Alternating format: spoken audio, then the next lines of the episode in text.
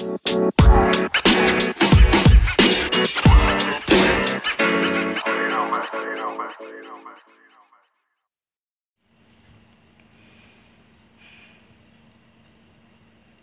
nunggu opening ya. Oke, halo teman-teman pendengar podcastku. Selamat datang kembali di podcastnya Gunung Santiago. Masih tetap bareng aku, Elsa Santiago. Hmm, gimana kabarnya? Semoga um, masih tetap sehat ya di sana.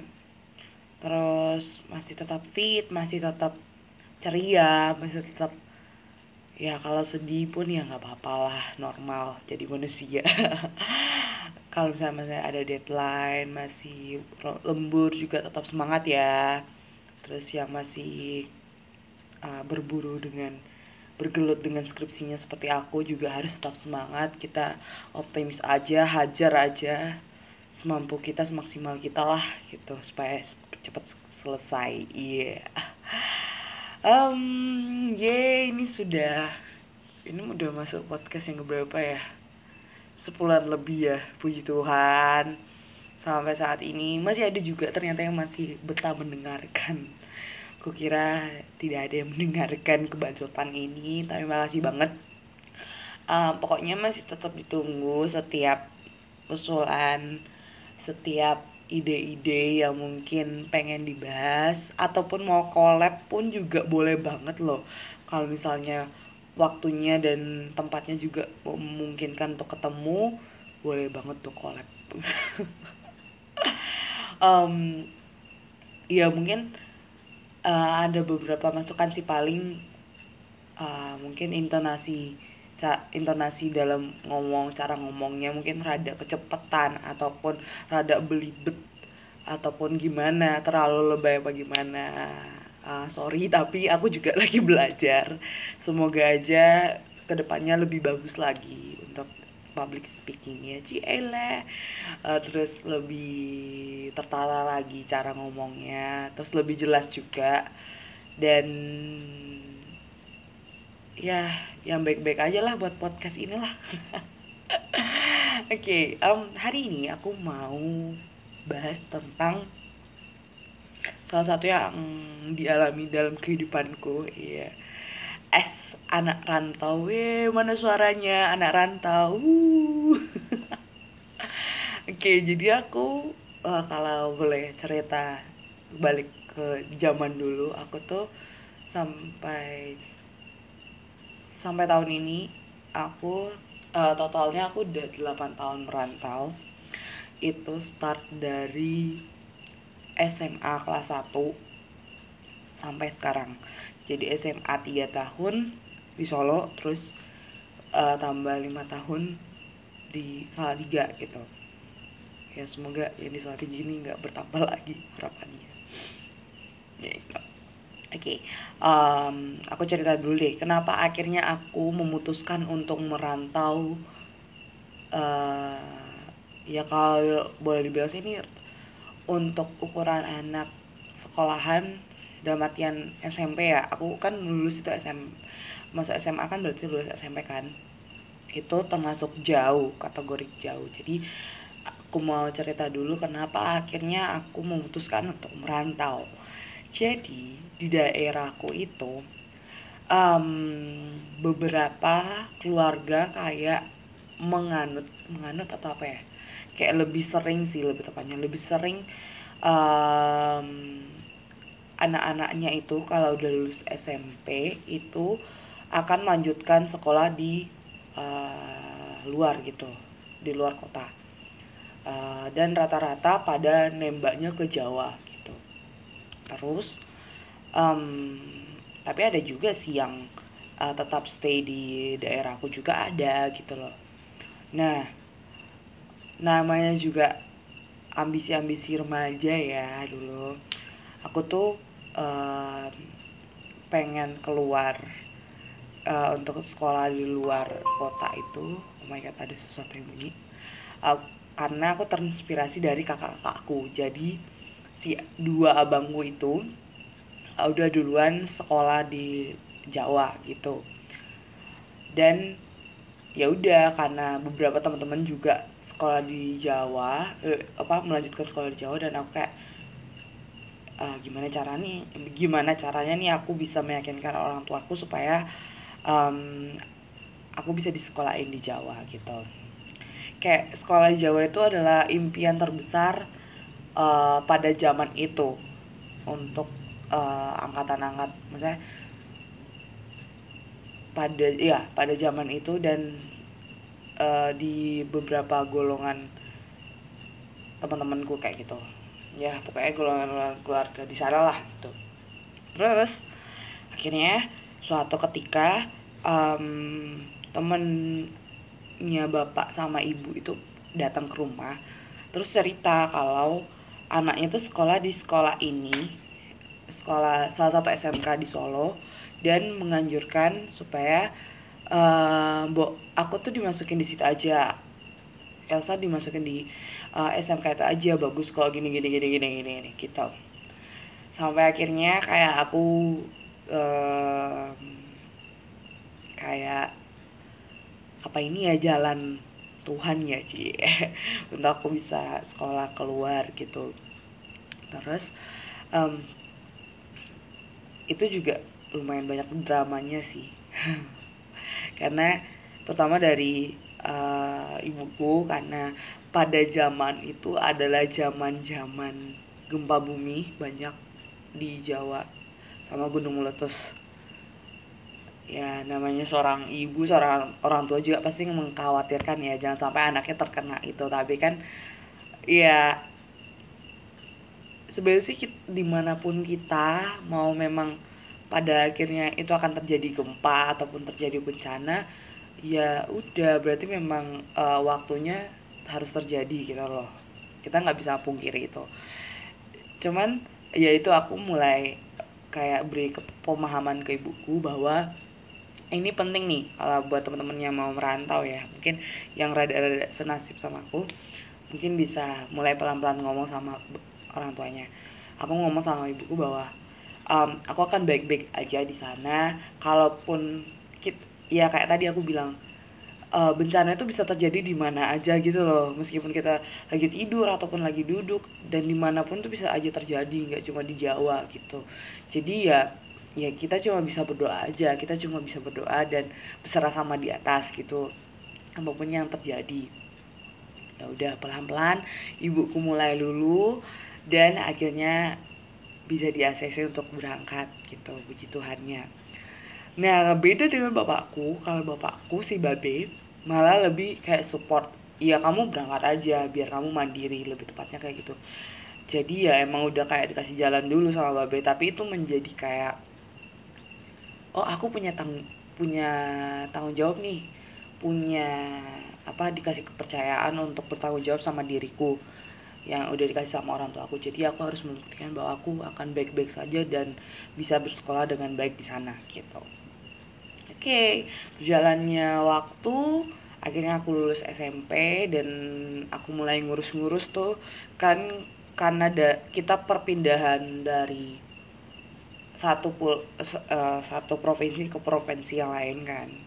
Jadi aku mulai ngurus di kantor kecap kantor apa sih? Aku lupa sih. Kantor kecamatan atau apa gitu.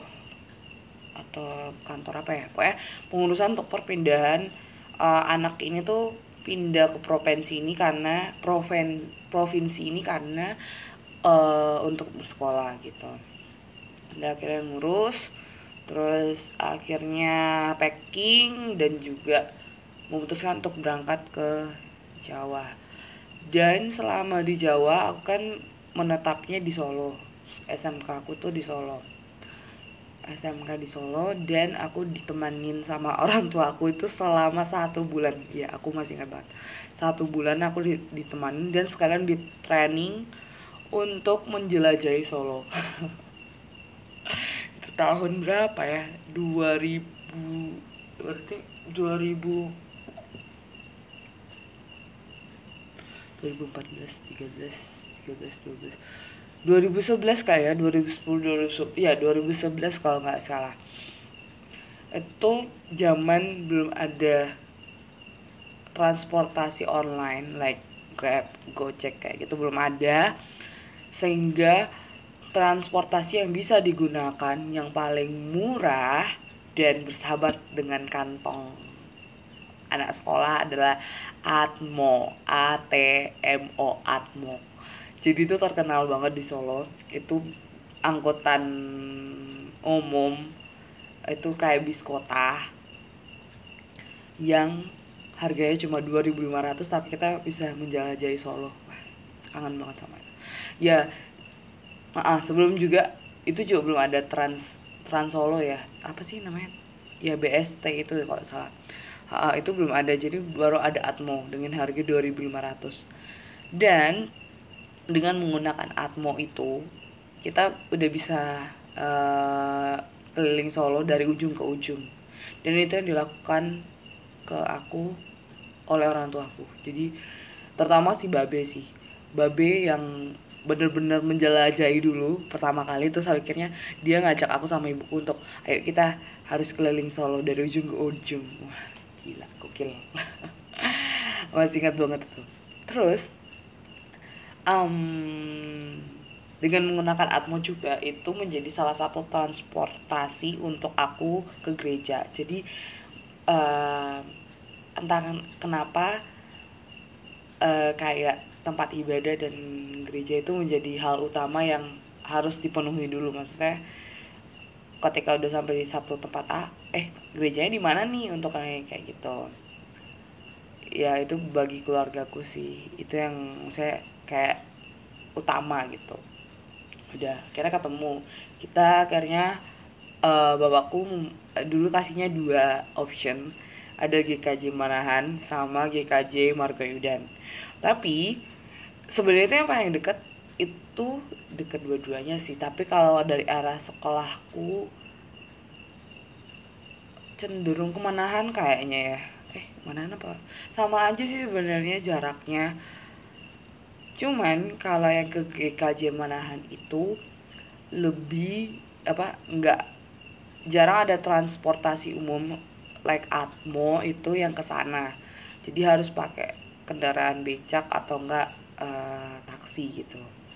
Nah, tapi kalau yang GKJ Margayudan itu bisa dilalui Atmo karena pas di uh, pemberi, pemberhentiannya pas di depan gereja. Jadi memungkinkan sekali. Jadi akhirnya aku dimasukkan lah di gereja GKJ Margayudan itu dan juga termasuk kayak um, sebelum aku pindah itu aku juga kayak pindah warga gereja jadi diurusin dari tempat asalku terus dibawain kayak surat gitu untuk dimasukkan ke gereja uh, eh, GKJ Marguyudan sebagai anggota gereja titipan gitu loh.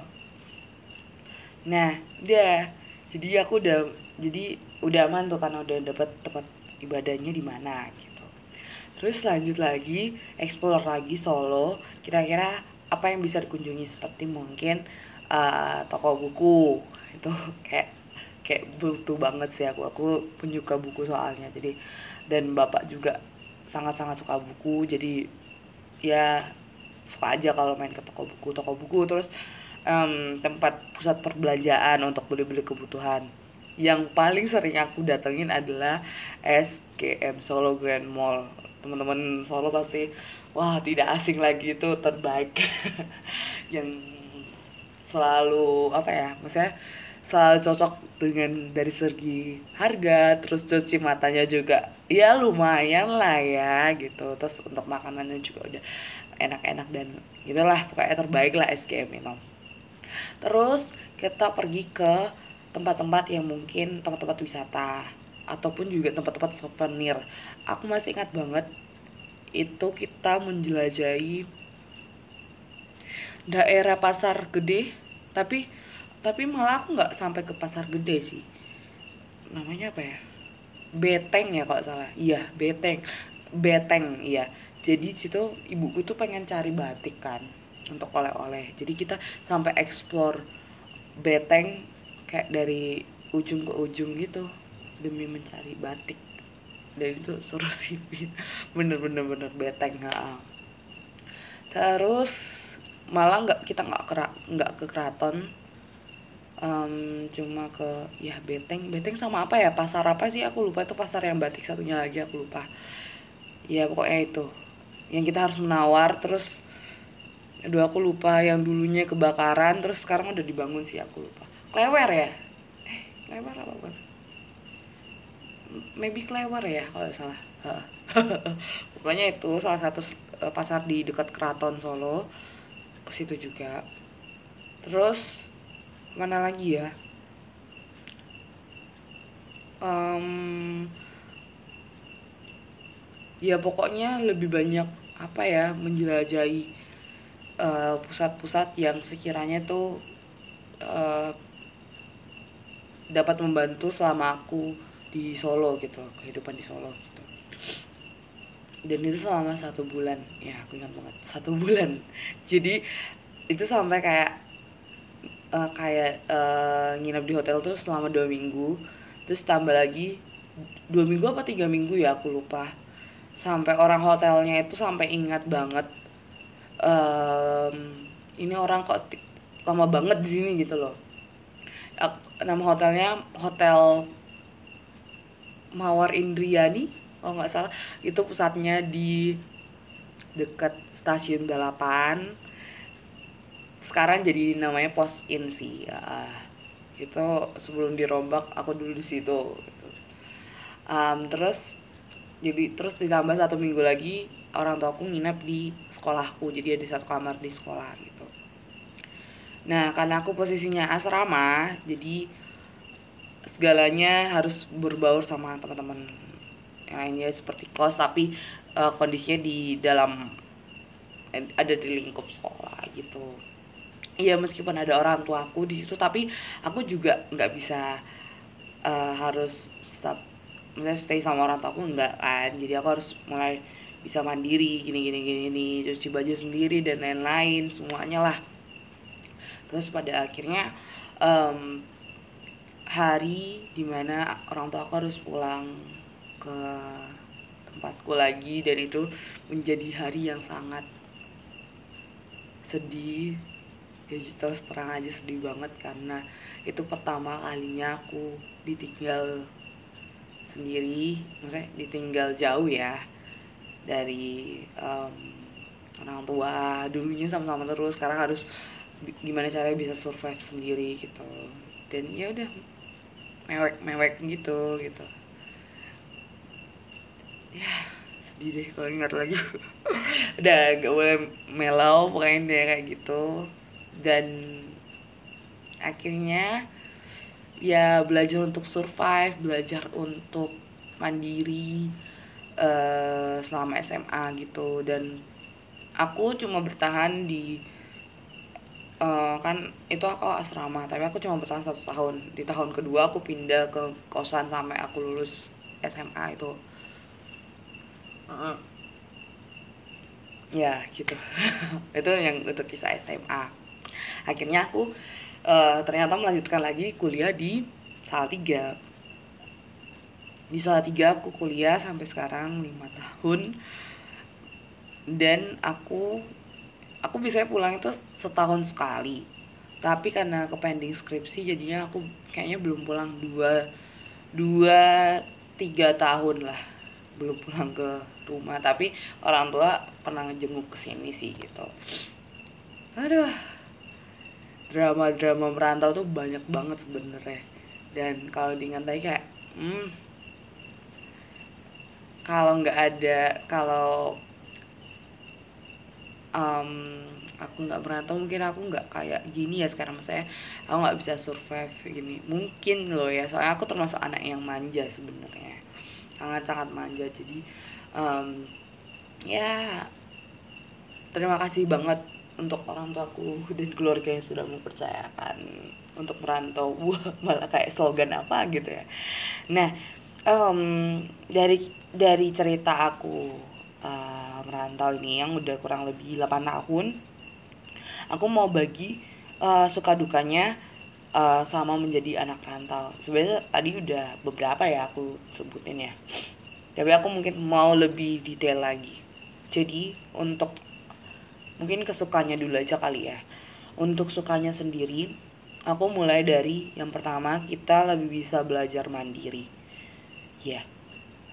Kita bisa jadi pribadi yang tidak menggantungkan uh, tidak bergantung sama orang lain. Kita bisa uh, mengatur diri kita sendiri kembali kita bisa um, survive sama diri kita sendiri survive sama kayak lingkungan yang kita yang di sekitar kita. Dan ya kita jadi apa ya lebih lebih bisa dewasa gitu loh dalam menyikapi setiap permasalahan yang kita hadapi. Karena kita uh, dituntut untuk ayo nih ayo kamu kamu sendiri loh di sini. Kamu harus bertanggung jawab sama dirimu. Kamu harus uh, belajar untuk um, bisa uh, apa bisa menjaga dirimu juga bisa uh, gimana caranya kamu bisa bertahan hidup. Nah itu bertahan hidup di kondisi seperti ini dengan uh, makanya kamu dituntut untuk mandiri dan aku benar-benar sangat-sangat diproses di belajar kemandirian ini di mana ya itu tadi kalau misalnya aku nggak merantau mungkin aku masih kayak manja-manja nggak bakal mandiri nggak bakal bisa survive juga sama diriku sendiri. Dan ya apa apa kayak ya udah dimanja aja gitu loh kalau misalnya aku nggak merantau gitu. Jadi menjadi pribadi yang mandiri itu penting banget. Dan itu menjadi kebanggaan sendiri ketika menjadi anak merantau. Nah tadi juga um, apa? Uh, kita juga untuk bisa belajar surf uh, kita bisa lebih survive terhadap apa pun. Uh, juga kita juga bisa explore tempat-tempat baru. Kita bisa ketemu hal baru. Dan itu menjadi uh, sebuah pengalaman yang yang tidak akan terlupakan. Dan aku menjadi bahan pembelajaran di kehidupan ini. Walah. Oke, okay, next. Yang kedua adalah belajar bertanggung jawab sama uh, diri kita. Terutama di sini kan konteksnya adalah kita diberikan kepercayaan kepada orang tua kita. Gimana caranya kita bisa um, bertanggung jawab sama diri kita, bertanggung jawab sama kondisi hidup kita, gimana cara kita untuk selalu jaga diri. Orang tua aku tuh selalu mengingatkan kepada semua anaknya untuk selalu jaga diri, selalu jaga diri gitu.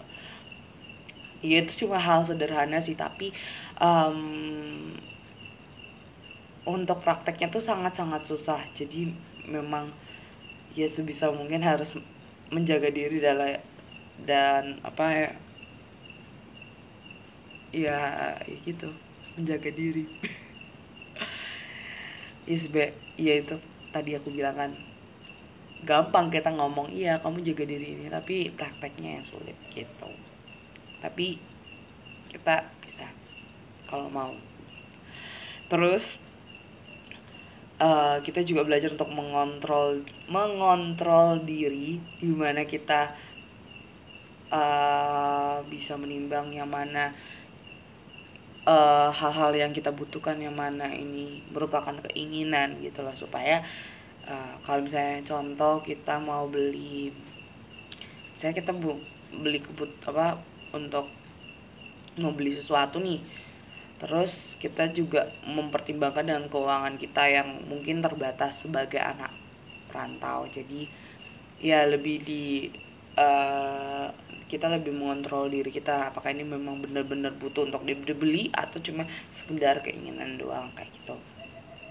Juga kita uh, tadi nyangkut bisa belajar untuk menata keuangan yang mungkin kita cenderung boros karena terlalu dimanja mungkin pada zaman dulu ketika masih sama orang tua. Nah, sekarang kita harus benar-benar survive, kita harus bisa bagaimana caranya dalam sebulan kita bisa hidup dengan uang yang diberikan sama orang tua tuh sejumlah ini gitu loh.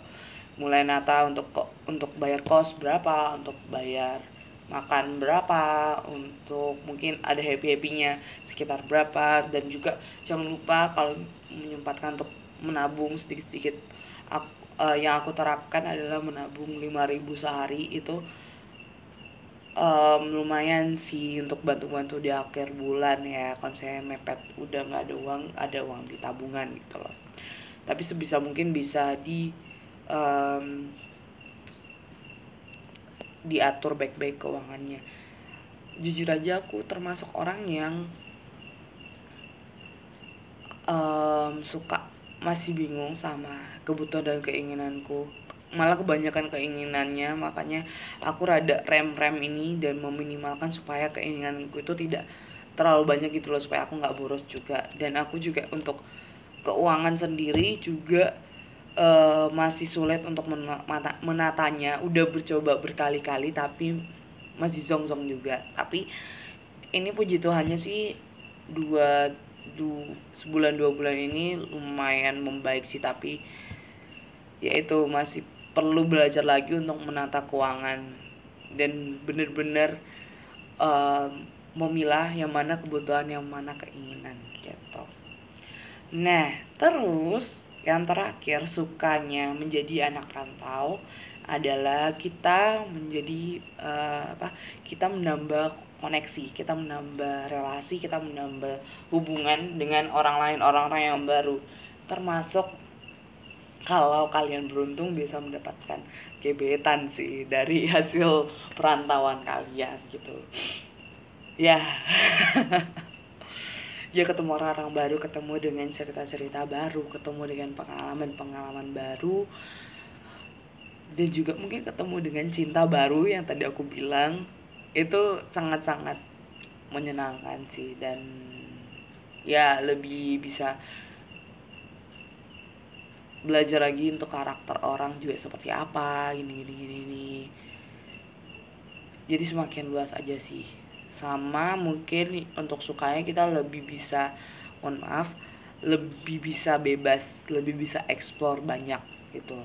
Tanpa uh, dikekang sama mungkin uh, pihak keluarga. Tapi ya tetap harus kembali lagi mengontrol diri supaya tidak kebablasan gitu. Kebablasan atau uh, terlalu jauh ke sana. Ya kayak gitu nah terus kalau ada suka berarti ada duka kan ya. Nah kalau duka jadi anak peran anak rantau adalah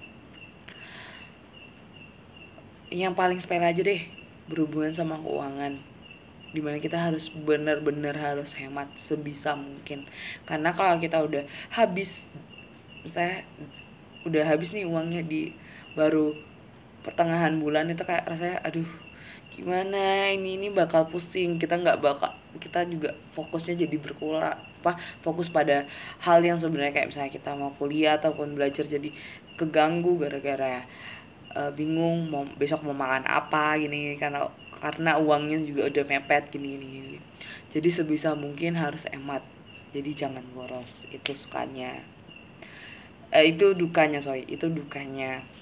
Lalu yang berikutnya suka sedih kalau misalnya um, sedih bahkan cemburu malahannya kalau misalnya melihat teman-teman yang kok ini tiap Sabtu Minggu bisa pulang ke rumahnya gitu loh. Tapi ini pas aku ngerasain pas awal-awal SMA sih.